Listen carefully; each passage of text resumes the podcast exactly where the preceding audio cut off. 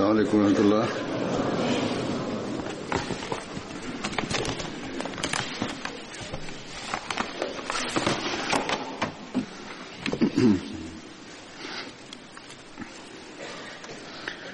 أشهد أن لا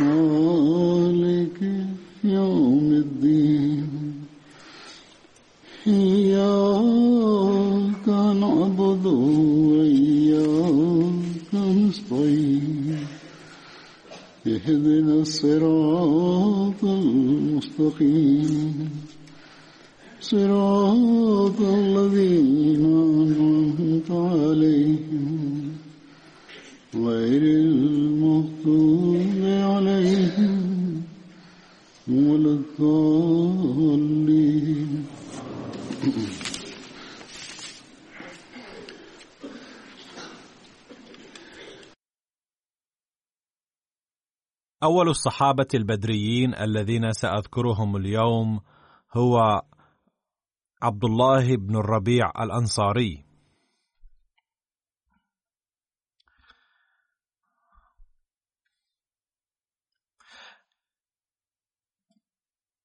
كان من فرع بني الأبجر من قبيلة الخزرج. أمه فاطمة بنت عمرو شهد بيعة العقبة الثانية كما شهد بدرا وأحدا ومؤتة. واستشهد يوم مؤتة. والصحابي الثاني الذي سأذكره هو عطية بن نويرة. وقد شهد بدرا. هذا كل ما هو معروف عنه. ثم هناك صحابي اسمه سهل بن قيس. أمه نائلة بنت سلامة. وكان ابن عم الشاعر المعروف كعب بن مالك. شهد بدرا واحدا واستشهد يوم أحد.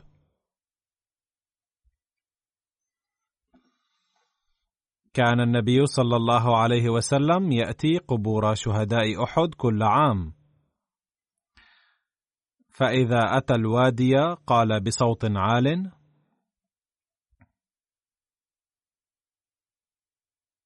السلام عليكم بما صبرتم فنعم عقبى الدار.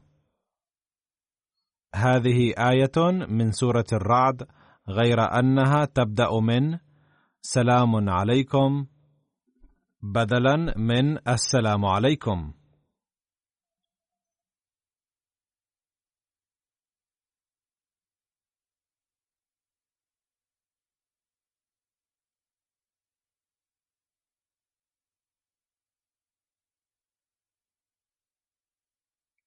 ثم كان أبو بكر بعد النبي صلى الله عليه وسلم يفعله وكان عمر بعد أبي بكر يفعله وكان عثمان بعد عمر يفعله ثم معاوية حين مر حاجا أو معتمرا.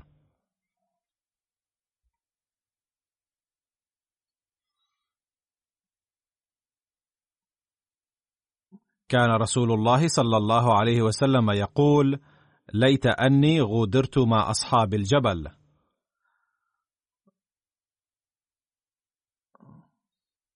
وكان سعد بن أبي وقاص يذهب إلى ماله بالغابة. الغابة قرية صغيرة شمال غرب المدينة. فيأتي من خلف قبور الشهداء فيقول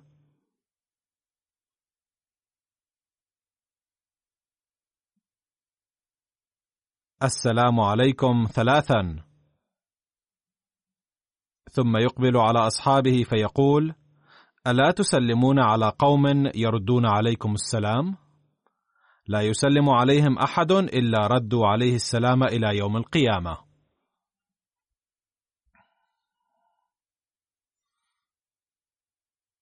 مر رسول الله صلى الله عليه وسلم على قبر مصعب بن عمير فوقف عليه ودعا وقرأ رجال صدقوا ما عاهدوا الله عليه فمنهم من قضى نحبه ومنهم من ينتظر وما بدلوا تبديلا.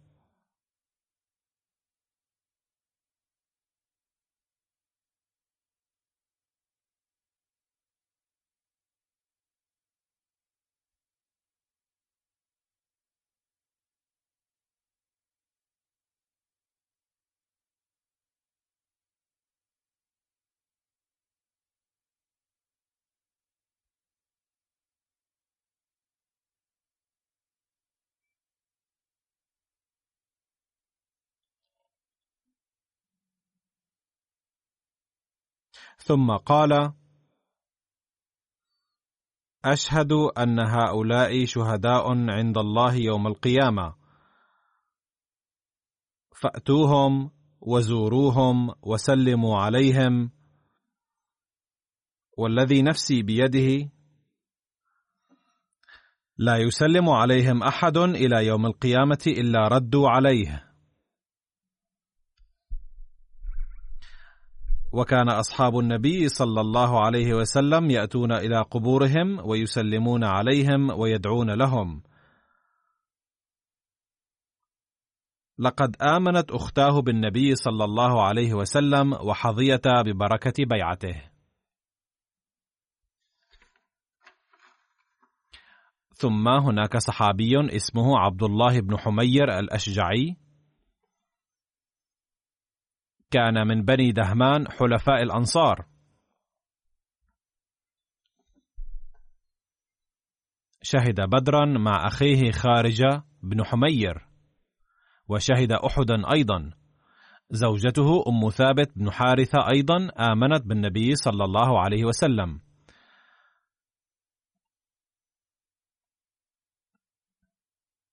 كان عبد الله بن حمير من بضعة الصحابة الذين ثبتوا على الجبل يوم أحد مع عبد الله بن جبير رضي الله عنه.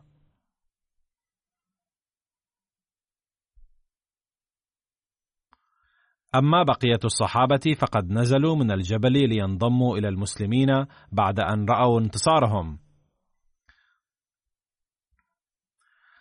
لقد قام عبد الله بن حمير ينصحهم فحمد الله وأثنى عليه ثم نصحهم بطاعة رسول الله صلى الله عليه وسلم ولكنهم لم يقبلوا كلامه ونزلوا. فلم يبقى على الجبل أكثر من عشرة الصحابة مع عبد الله بن جبير.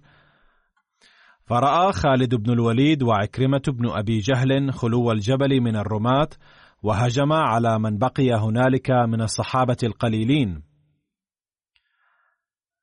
فقابلتهم هذه الجماعة القليلة من الصحابة بالرماح ولكن المهاجمين قتلوهم جميعا في الحال. لقد ذكر ميرزا بشير أحمد رضي الله عنه تفصيل واقعة أحد في كتابه سيرة خاتم النبيين كما يلي: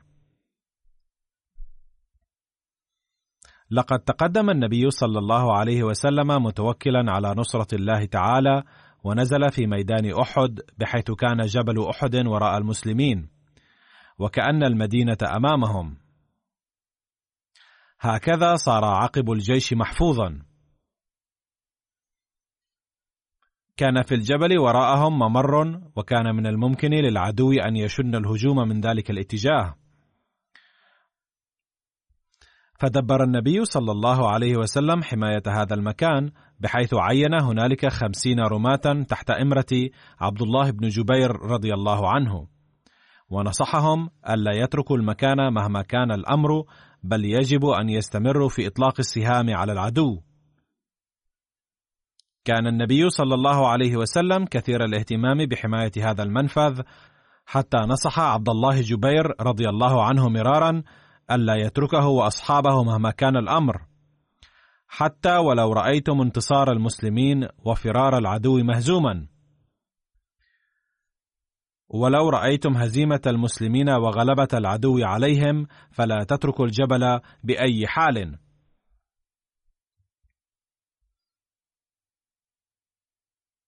وقد جاء في رواية أن النبي صلى الله عليه وسلم أمرهم بما مفاده. لا تتركوا الجبل وإن رأيتم الطيور تأكل لحومنا إلا أن آمركم بتركه. هكذا دبر النبي صلى الله عليه وسلم حماية العقب جيدا ثم جعل من الجيش صفوفا وعين الأمراء على كتائب مختلفة. عندما رأى أصحاب عبد الله بن جبير أن المسلمين قد انتصروا قالوا لأميرهم أن المسلمين قد انتصروا وهم يجمعون الغنائم. فاسمح لنا أيضا لنذهب ونشترك مع الجيش في جمع الغنائم. فمنعهم عبد الله وذكرهم بوصية النبي صلى الله عليه وسلم المؤكدة ولكنهم نسوا ذلك في نشوة الانتصار.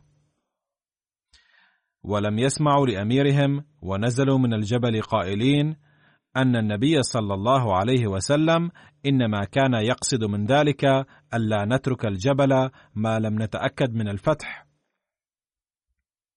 وأما الآن فقد تم الفتح والانتصار فلا ضير في تركه الآن. فلم يبقى لحماية المكان إلا عبد الله بن جبير وبعض من أصحابه. عندها رأى خالد بن الوليد إلى هذا المكان من بعيد ووجده خاليا من الرماة فجمع فرسانه فورا وتوجه إليه ولحقه عكرمة بن أبي جهل أيضا فورا مع كتائبه وقتلوا عبد الله بن جبير وأصحابه في لمح البصر وهجموا على جيش المسلمين من الخلف.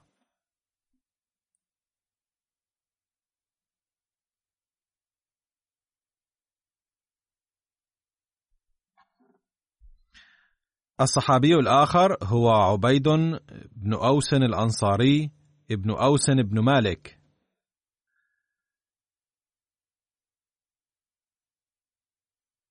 شهد عبيد الله بن أوس بدرا.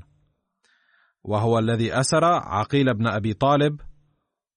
ويقال إنه أسر العباس ونوفلا وعقيلا وأتى بهم رسول الله صلى الله عليه وسلم.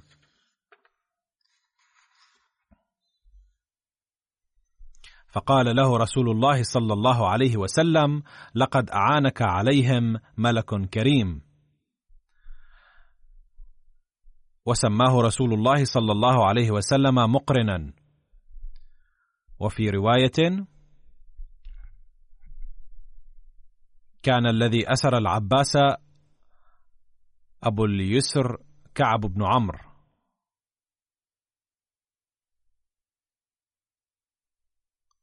تزوج عبيد بن أوس من أميمة بنت النعمان التي كانت من المؤمنين بالنبي صلى الله عليه وسلم وحظيت ببركة بيعته صلى الله عليه وسلم.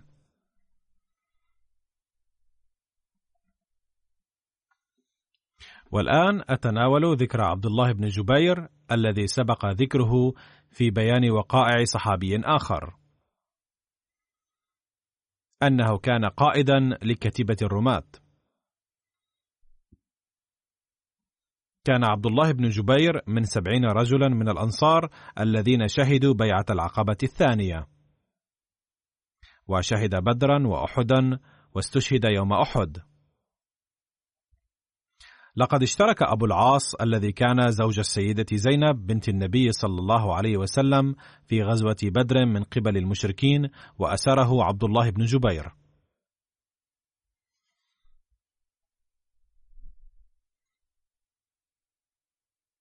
يقول ميرزا بشير أحمد رضي الله عنه في ذكر هذا الحادث في كتابه سيرة خاتم النبيين كان صهر النبي صلى الله عليه وسلم أبو العاص ممن أسر في بدر.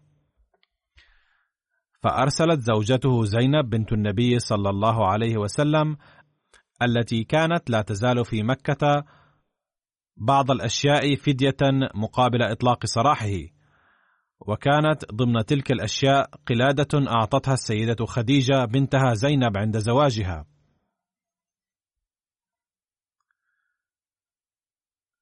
عندما رأى النبي صلى الله عليه وسلم هذه القلادة تذكر زوجته المرحومة خديجة. وغرورقت عيناه فقال للصحابة إن رأيتم أن تطلقوا لها أسيرها وتردوا عليها هذه القلادة فأطلقوه بغير فداء. واشترط صلى الله عليه وسلم عليه أن يبعث له زينب إلى المدينة وبذلك نجت روح مؤمنة من دار الكفر. ثم تشهد أبو العاص شهادة الحق وهاجر إلى المدينة وبذلك تم لم شمل الزوجين مرة أخرى.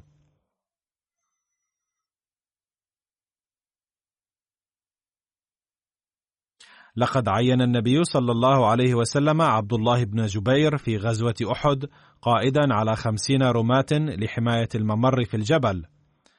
أما التفاصيل الأخرى فقد ذكرت في وقائع سيرة عبد الله حمير.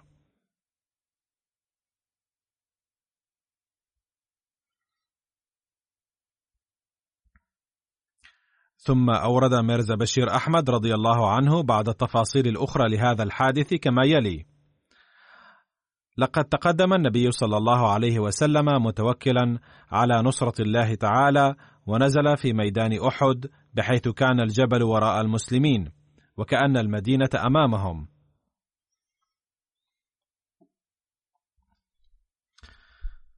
هكذا صار عقب الجيش محفوظا كان في الجبل وراءهم ممر وكان من الممكن للعدو أن يشن الهجوم من ذلك الاتجاه فدبر النبي صلى الله عليه وسلم حماية هذا المكان بحيث عين هناك خمسين رماة تحت إمرة عبد الله بن جبير رضي الله عنه. ونصحهم ألا يتركوا المكان مهما كان الأمر بل يجب أن يستمروا في إطلاق السهام على العدو. وكما سبق الذكر أن النبي صلى الله عليه وسلم كان مهتما كثيرا بحماية هذا المكان حتى نصح عبد الله جبير رضي الله عنه مرارا ألا يتركه وأصحابه مهما كان الأمر.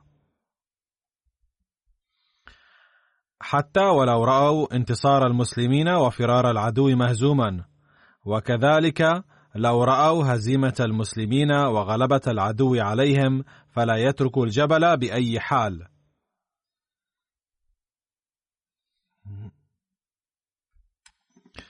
عن البراء بن عازب قال جعل رسول الله صلى الله عليه وسلم على الرماة يوم أحد وكانوا خمسين رجلا عبد الله بن جبير.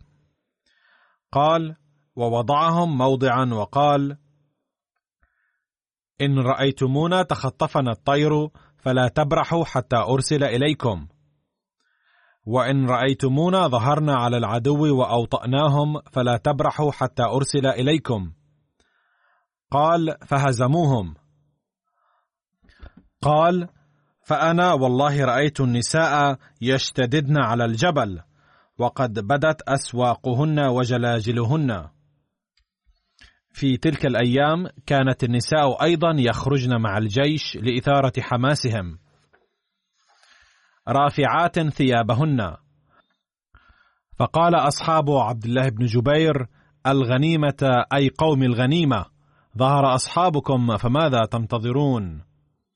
فقال عبد الله بن جبير أنسيتم ما قال لكم رسول الله صلى الله عليه وسلم؟ قالوا إنا والله لنأتين الناس فلنصيبن من الغنيمة. أي لا بد أن نأخذ نصيبنا من الغنيمة مثل غيرنا.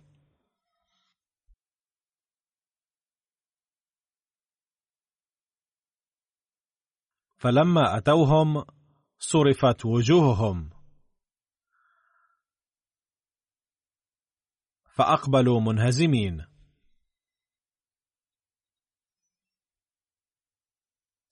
فذلك قوله يدعوهم الرسول في أخراهم.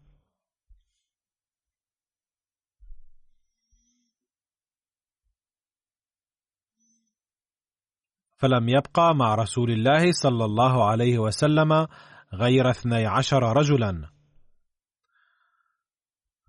فأصابوا منها سبعين رجلا وكان رسول الله صلى الله عليه وسلم وأصحابه أصاب من المشركين يوم بدر أربعين ومائة سبعين أسيرا وسبعين قتيلا. فقال أبو سفيان أفي القوم محمد؟ أفي القوم محمد أفي القوم محمد. ثلاثا. قال فنهاهم رسول الله صلى الله عليه وسلم أن يجيبوه.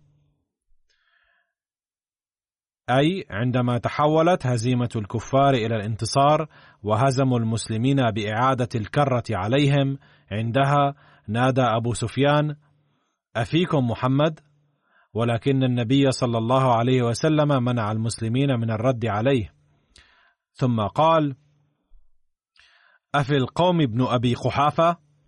أفي القوم ابن أبي قحافة؟ أفي القوم ابن أبي قحافة؟ يعني أبو بكر رضي الله عنه. ثم سأل ثلاث مرات أفي القوم ابن الخطاب؟ أي سيدنا عمر رضي الله عنه. ثم أقبل أبو سفيان على أصحابه وكان النبي صلى الله عليه وسلم قد نهى الصحابة عن الجواب عند سؤاله كل مرة. فقال أما هؤلاء فقد قتلوا أي كان هؤلاء الثلاثة يمكن أن يقودوا المسلمين فقد قتلوا. فما ملك عمر نفسه أن قال كذبت والله يا عدو الله.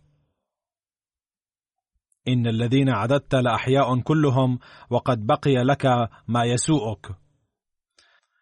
قال فقال يوم بيوم بدر والحرب سجال ثم إنكم ستجدون في القوم مثلة لم آمر بها ولم تسؤني. ثم جعل يرتجز ويقول أعلو هبل أعلو هبل. فقال رسول الله صلى الله عليه وسلم ألا تجيبونه؟ قالوا يا رسول الله بماذا نجيبه؟ قال قولوا الله أعلى وأجل. قال أبو سفيان لنا العزى ولا عزى لكم. فقال رسول الله صلى الله عليه وسلم ألا تجيبوه؟ قالوا وبماذا نجيبه يا رسول الله؟ قال قولوا الله مولانا ولا مولى لكم.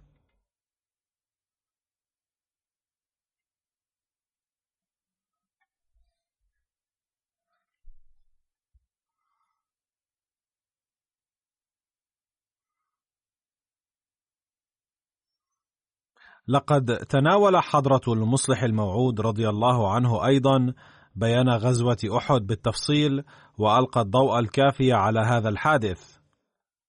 فقال الصحابة الذين كانوا حول النبي صلى الله عليه وسلم وقد دفعتهم هجمة الكفار المفاجئة إلى الوراء اجتمعوا حول النبي صلى الله عليه وسلم من جديد فور هدوء الكفار فحملوا جسد النبي صلى الله عليه وسلم المبارك ونزع الصحابي أبو عبيدة بن الجراح المسمار الذي أصاب رأس النبي صلى الله عليه وسلم ونزعه بشدة مما أدى إلى انكسار سنيه.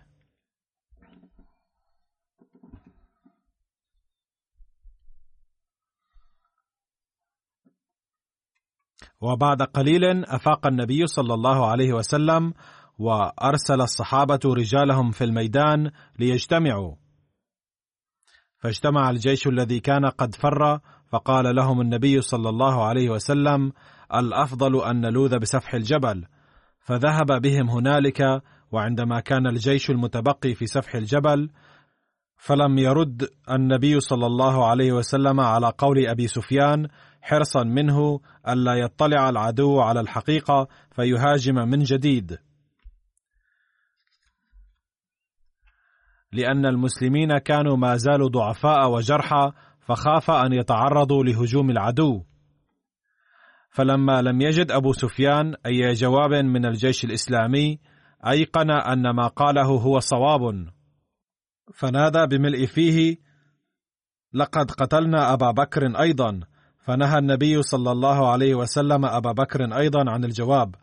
ثم أعلن أبو سفيان إنا قد قتلنا عمر أيضا. فأراد عمر الذي كان حاد الطبع أن يقول ردا على أبي سفيان إنا بفضل الله أحياء وجاهزون لمقابلتك.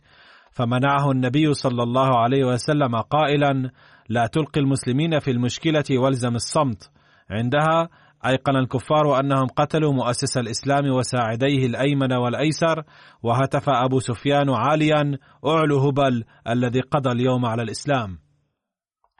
يقول حضرة المصلح الموعود إن الرسول صلى الله عليه وسلم نفسه الذي كان قد نهى الصحابة عن الرد على أبي سفيان من قبل عند ادعائه بقتله صلى الله عليه وسلم وقتل أبي بكر وعمر لئلا يكرر العدو الهجوم على المسلمين الجرحى ويستشهد بأيديهم حفنة من المسلمين حين رأى الهجوم على وحدانية الله تعالى فسمع هتاف الشرك اضطرب فقال للصحابة بمنتهى الحماس: لماذا لا تردون؟ فقالوا: يا رسول الله بماذا نرد عليه؟ قال: قولوا الله أعلى وأجل، الله أعلى وأجل، أي كذبت في قولك أن هبل على، كلا بل الله الذي وحده لا شريك له أعلى وأجل.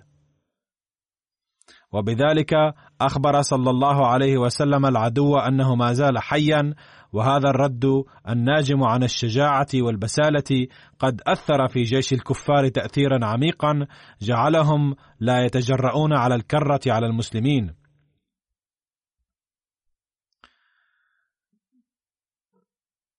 فعادوا إلى مكة محتفلين بما أحرزوا من الفتح مسرورين بسماع هتاف أبي سفيان.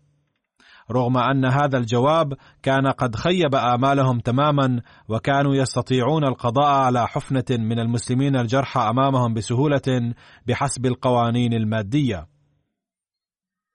يقول حضرة المصلح الموعود رضي الله عنه في تفسير الآية فليحذر الذين يخالفون عن أمره أن تصيبهم فتنة أو يصيبهم عذاب أليم.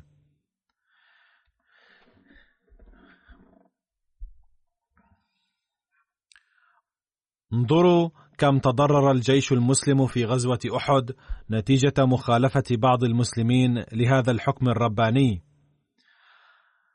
كان الرسول صلى الله عليه وسلم قد عين خمسين من الرماة على ممر هام في الجبل. ولحساسية الممر دعا النبي صلى الله عليه وسلم رئيس هذه الكتيبة عبد الله بن جبير الأنصاري وأوصاه وأصحابه وقال: لا تتركوا هذا الممر سواء انتصرنا أو قتلنا.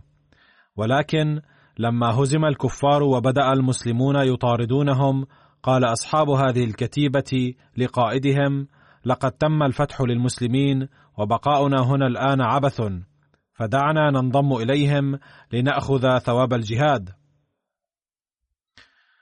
فنصحهم قائدهم لا تخالفوا أمر الرسول صلى الله عليه وسلم.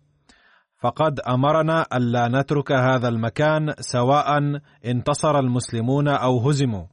لذا لن أسمح لكم بترك الممر. فقالوا لم يقصد الرسول صلى الله عليه وسلم بقوله ألا نتحرك من هنا رغم انتصار المسلمين وإنما كان يريد بذلك التأكيد. لقد انتصر جيش المسلمين الآن وقد انتهى عملنا فماذا نفعل هنا؟ وهكذا قدموا رأيهم الشخصي على ما أمرهم به رسول الله صلى الله عليه وسلم وتركوا الممر ولم يبقى فيه إلا قائدهم عبد الله بن جبير وبضعة من الجنود. وبينما كان الجيش الكافر يهرب من ساحة القتال إلى مكة نظر خالد بن الوليد إلى الوراء فوجد الممر خاليا. فنادى عمرو بن العاص وكانا لم يسلما بعد. انظر هناك فرصة سانحة. تعال نرجع وننقض على المسلمين من هذا الممر.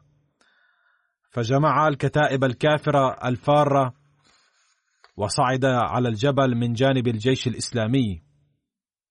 ومزقوا كل من بقي من جنود المسلمين على الممر إربا. إذ لم يقدر هؤلاء البضعة على مقاومة الجيش الكافر. فهجم الكافرون على الجيش المسلم من خلفه بغتة. وكان هذا الهجوم المفاجئ شديدا على المسلمين الفرحين بالفتح والمنتشرين هنا وهناك في ساحة القتال فلم يثبتوا أمام هذا الهجوم. وأسرع قرابة عشرين صحابيا إلى النبي صلى الله عليه وسلم والتفوا حوله يدافعون عنه. ولكن إلى متى كان بوسع هؤلاء الحفنة من الصحابة أن يتصدوا لهجمات العدو المتكرره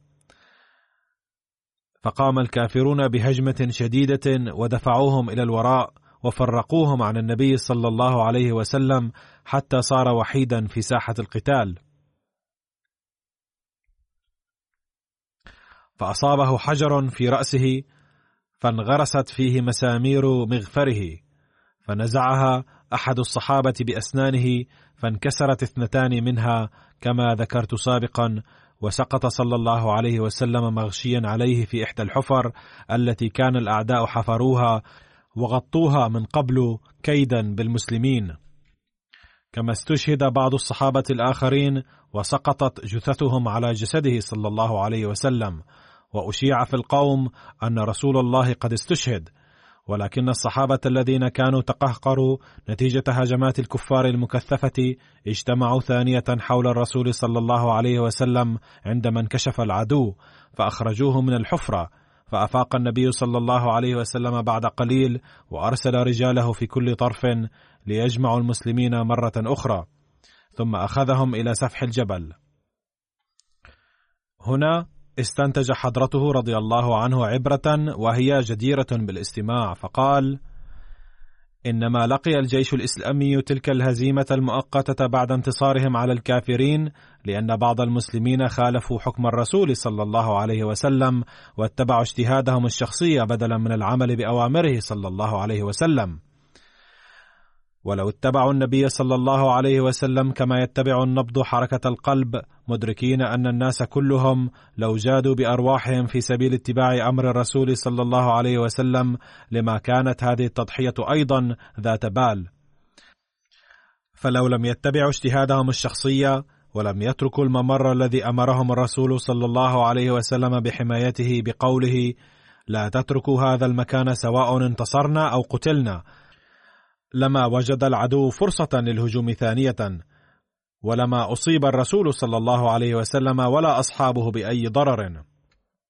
لذا فإن الله تعالى قد لفت أنظار المسلمين في هذه الآية ووضح لهم أن الذين لا يطيعون أحكام رسول الله صلى الله عليه وسلم طاعة كاملة أو يفضلون اجتهاداتهم الشخصية على أوامره أو يشرحون الأوامر بحسب هواهم ويؤولون الأحكام من عند أنفسهم عليهم أن يخافوا أن تنزل عليهم بسبب ذلك آفة أو عذاب شديد.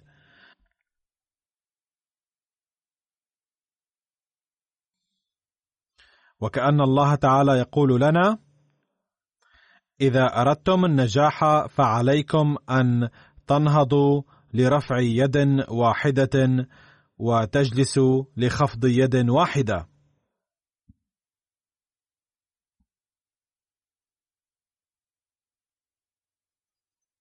وسيظل المسلمون أحياء ما بقيت فيهم هذه الروح. وفي اليوم الذي تموت فيه هذه الروح سيبقى الإسلام حيا دون شك. ولكن يد الله تعالى ستهلك القوم الذين يخالفون أوامر محمد رسول الله صلى الله عليه وسلم.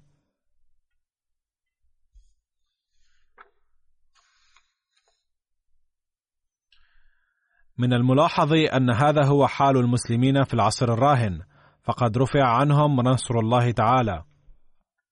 هم يؤولون وصية النبي صلى الله عليه وسلم لهم بأن عليهم أن يؤمنوا بالمسيح والمهدي المبعوث بحسب نبوءته صلى الله عليه وسلم ويبلغوه سلامه ويعدوه حكما وعدلا.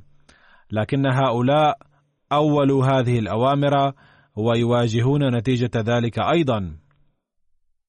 في هذا الحادث درس وتنبيه للأحمديين أيضا. أن ضمان فتوحهم بعد الإيمان بالمسيح الموعود عليه السلام يكمن حصرا في الطاعة الكاملة فكل واحد منهم يجب أن يفحص نفسه إلى أي مدى أحرز معايير الطاعة. لقد ذكرت قبل قليل أن مع أبي سفيان كان عكرمة بن أبي جهل وذكر حضرة المصلح الموعود صحابيا آخر أي عمرو بن العاص أنه هو الذي هاجم من الممر. وفي بعض الروايات الأخرى ذكرت أسماء أخرى.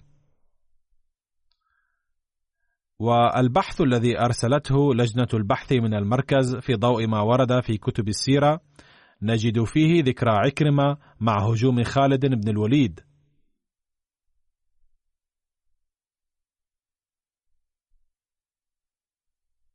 كما نجد أيضا أن عمرو بن العاص كان من الفرسان المشركين.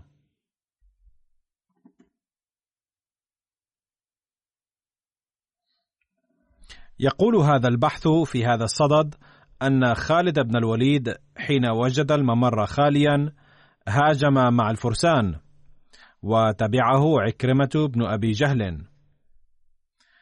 وإذا رأينا كل هذه الأمور معا فيمكن التوفيق بينها.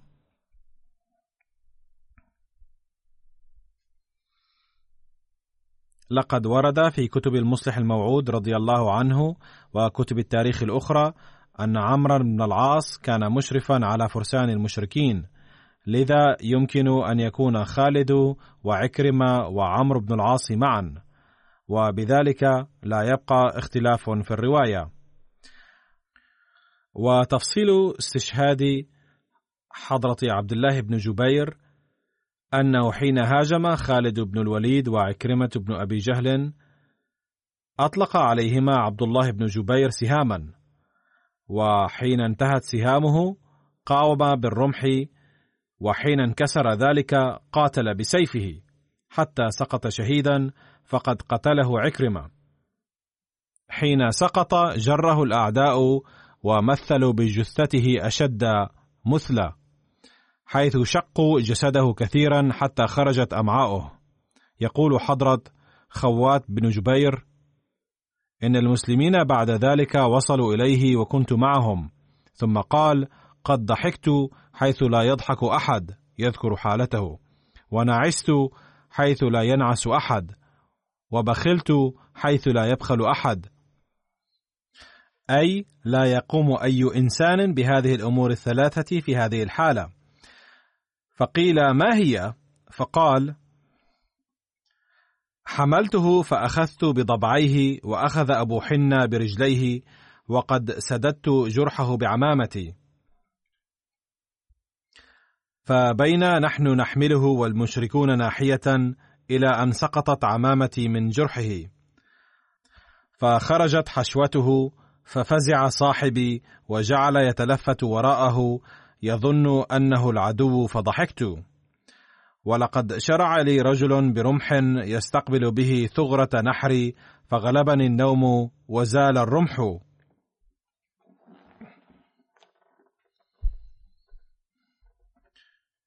هذه أيضا كانت نصرة من الله تعالى إذ غلب عليه النوم في حالة لم يكن يملك حيلة للنجاة لأن الرمح كان قريبا من ثغرة نحره ولكنه زال ثم يتابع. ولقد رأيتني حين انتهيت إلى الحفر له ومعي قوسي وغلظ علينا الجبل فهبطنا به إلى الوادي فحفرت له بسية القوس وفيها الوتر فقلت لا أفسد الوتر فحللته ثم حفرت بسيتها حتى أنعمنا ثم غيبناه وانصرفنا. وفق الله تعالى عبد الله بن جبير وأصحابه ليفهموا روح الحكم ويطيعوه بكل وفاء. كذلك ندعو الله تعالى أن يوفقنا. نحن أيضا لنفهم روح الأوامر ونقوم بالطاعة الكاملة وننال بذلك افضال الله تعالى دوما.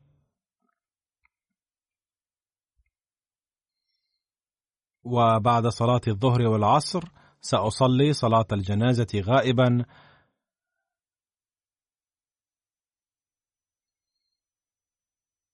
على السيد نادر الحصني الذي توفي بقضاء الله تعالى في عشرين كانون الأول ديسمبر عن عمر يناهز خمسا وثمانين عاما.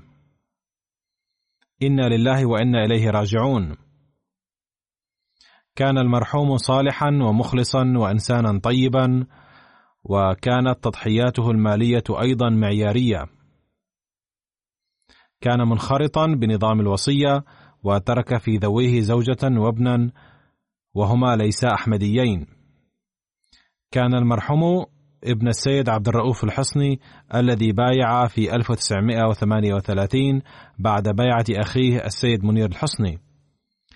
كان السيد عبد الرؤوف أيضا تقيا وورعا وقليل الكلام.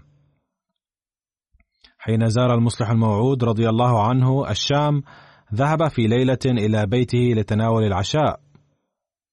كان السيد نادر الحصني أيضا يملك مزايا والده وقدم نموذجا عاليا للإخلاص والوفاء. كتب أمير الجماعة في كندا بعد بناء المسجد بيت السلام كان المرحوم يصل المسجد بالتزام بعد أن يسوق سيارته أربع ساعات ويعود في اليوم نفسه إلى بيته في سدبري. وقلنا له عدة مرات أن يستريح هنا يوم الجمعة ويعود إلى بيته في اليوم التالي ولكنه كان يعتذر بأسلوبه الخاص ويعود في نفس اليوم لكي لا يدخل على الجماعة بأي شكل. وواصل هذا الطريق حتى في مرضه الأخير وكان مؤذن مسجد بيت السلام منذ سنوات طويلة. وكان أسلوب أذانه متفردا ومليئا بحماس عجيب مما يجعل حالة وجد خاص تستولي على السامع. كتبت زوجة المرحوم السيدة سمية رحم الله تعالى نادر الحصني وأسكنه فسيح جناته. إنه كان صادقا ومستقيما جدا جدا وأمينا ومخلصا من كل قلبه لأهل بيته ولجماعته. كان يمد يده بالخير لكل من يحتاج إليه. كان يعطف كثيرا على المحتاجين. كان يساعد سيدة أحمدية فقيرة قدر المستطاع سرا. وعندما كنا نزورها كان يذهب للتسوق ويحضر من كل شيء. كان هذا قبل مرضه. قالت أيضا لم نشاهد مدى حياتنا انسانا صبورا على ما ابتلي من مرض ودوما كان يقول الحمد لله كان يناجي ربه بقلب خاشع باك كان مواظبا على صلاته وصلاة قيام الليل. كل من يعرفه من الناس يتكلم عن طيبة قلبه. كتب السيد معتز القزق من كندا كنت أسمع عن السيد نادر الحصني وأنا في سوريا. فعائلة الحصني معروفة بإخلاصها للجماعة وتمسكها بالخلافة. وبعد وصولي إلى كندا قابلت السيد نادر الحصني في مسجد بيت الإسلام. ووجدته شخصا طيبا مبتسما. خلال حديثي معه لفت انتباهي حبه للخلافة وحبه للالتقاء بالإخوة في المسجد. إخلاصه والتزامه بالصلاة مثل لنا جميعا. وعلينا أن نتعلم الدرس منه في الالتزام بالصلاة بعد وفاته حضرت زوجته وابنه إلى تورنتو ووفقت تحت نظام الجماعة لأقوم بالخدمة في الاهتمام بعائلة المرحوم وفي أمور الدفن. قالت زوجته لي وهي غير أحمدية: توجد ثلاثة مساجد في منطقتنا، وسألوني عن الجنازة فأخبرتهم بأن جنازته ستخرج من المسجد الذي كان يصلي فيه.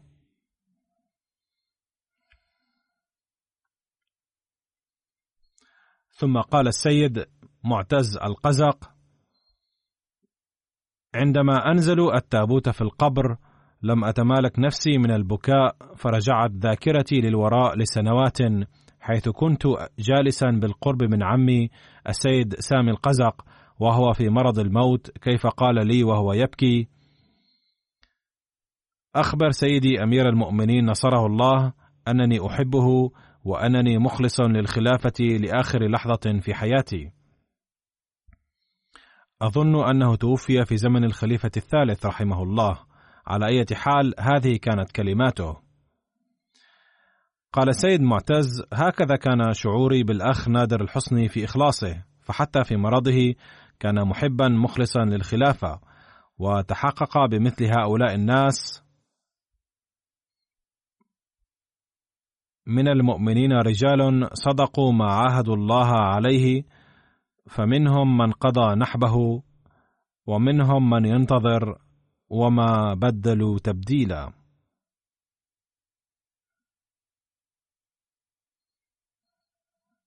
ثم قال السيد معتز المرحوم له ذكريات مع الخلفاء ومنها أن حضرة المصلح الموعود رضي الله عنه عندما كان في زيارة لسوريا عام 1955 أكرم الله المرحوم برفقة حضرته.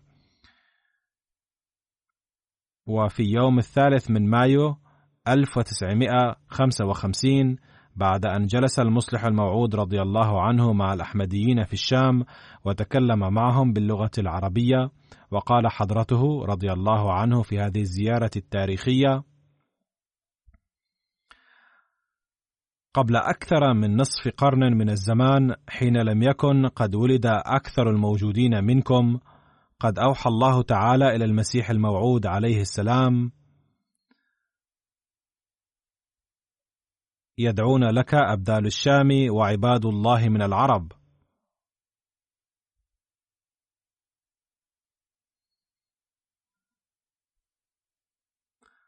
ولقد تحقق هذا الوحي اليوم بوجودكم هنا.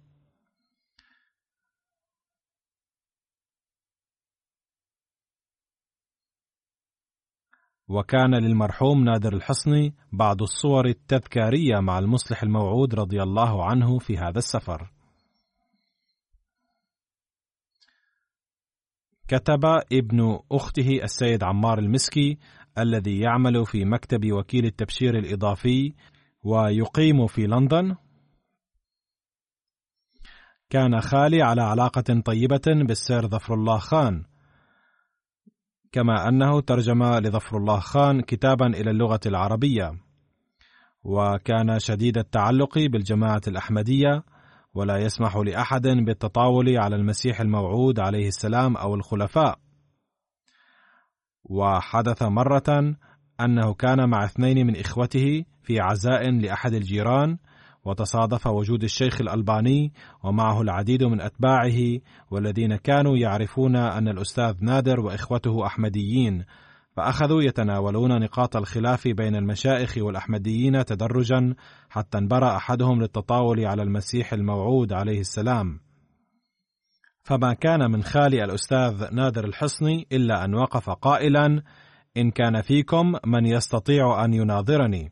وكانوا ثلاثة إخوة بينما الشيخ الألباني وتابعوه يتجاوز عددهم خمسة عشر شخصا إلا أنه لم يجرؤ أحد منهم على المناظرة بل لجأوا إلى المشاجرة وهموا أن يهاجموه وأخويه حتى فصل بينهم الحاضرون في العزاء.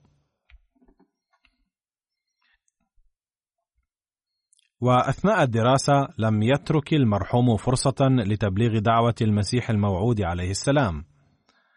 وبعد الثانوية هاجر إلى أمريكا لدراسة هندسة الميكانيكا. في سنة التخرج حصل له نقاش مع فرقة من اليهود في أمور عقدية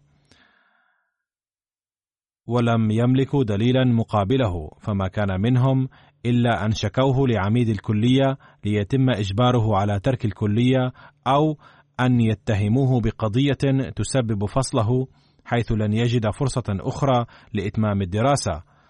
فبناء على توجيه العميد اختار المرحوم الانتقال لكلية أخرى وعليها هاجر إلى كندا.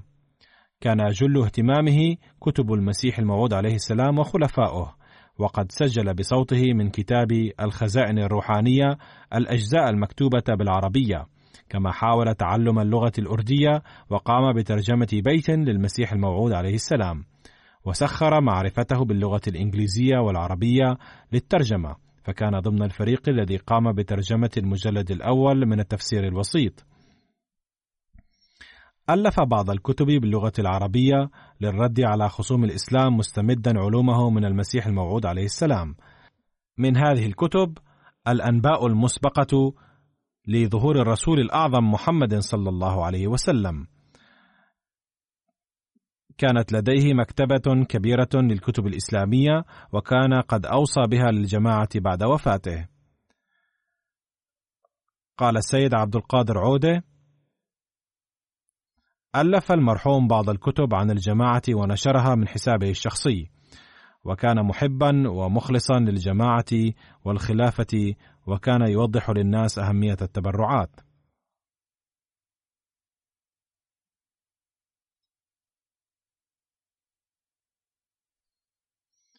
قال الداعية عبد الرزاق وهو أستاذ في الجامعة الأحمدية بكندا. كان المرحوم صابرا وشاكرا للغاية. ما كان يستطيع تناول الغذاء من الفم بسبب المرض في السنوات الأخيرة بل كان يدخل الغذاء في معدته بواسطة ماكينة. وفي هذه الحال أيضا كلما تحسن قليلا أتى المسجد لصلاة الجمعة بعد قطع مسافة طويلة. وبعد أن ساءت ظروف سوريا حين كان الأحمديون السوريون يأتون كندا كان المرحوم يلتقي بهم بكل حفاوة وحب ويوصيهم بالارتباط بالجماعة وينصحهم بأن الطريق الوحيد لحماية الأولاد في هذا البلد هو الارتباط بالجماعة والمسجد. قال السيد مصلح الدين شنبور داعية الجماعة في كندا: كان السيد نادر الحصني يستمع لخطب الخليفة ثم يطبعها ويقرأها مرة أخرى ثم يحفظها في ملف. سجل في بيته الكتب العربية للمسيح الموعود عليه السلام والترجمة العربية للتفسير الكبير بصوته وكلما كان يأتي لصلاة الجمعة كان يستمع لها أثناء سفره وفي بعض الأحيان كان يستمع لتلاوة القرآن الكريم. وحين بدأ بث درس القرآن الكريم للخليفة الرابع رحمه الله تعالى باللغة العربية على MTA بدأ تسجيله والاحتفاظ به عنده. ذهبت إلى بيته عدة مرات وكلما أقمت عنده سمعت صوت التضرع والابتهال وقت التهجد قبل صلاة الفجر بساعتين أو ساعة ونصف يوميا ورأيت أنه لم يكن يشاهد على التلفاز إلا قناة MTA أو يستمع للأنباء في بعض الأحيان. ذات مرة تعطلت MTA عنده فأرسل فورا ليصلح القناة فورا لأنه لا يستطيع العيش بدونها. كتب السيد شنبور أيضا كان المرحوم يدعو في الصلاة بهذا الدعاء اللهم أتمم علينا نعمة الخلافة وكلما ردد هذا الدعاء بدأ بالبكاء قد حدث ذلك عدة مرات أمام عيني. رفع الله تعالى درجات المرحوم المغفور ووفق ابنه وزوجته لمبايعة المسيح الموعود عليه السلام ويستجيب جميع أدعيته لأهله. آمين.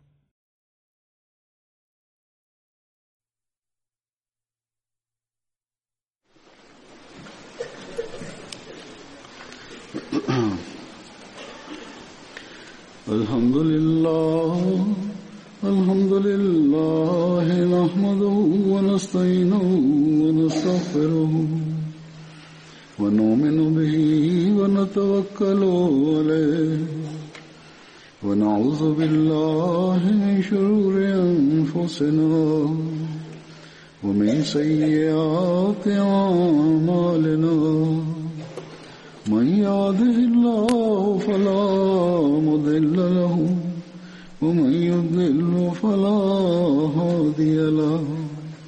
ونشهد أن لا إله إلا الله ونشهد أن محمدا عبده ورسوله. عباد الله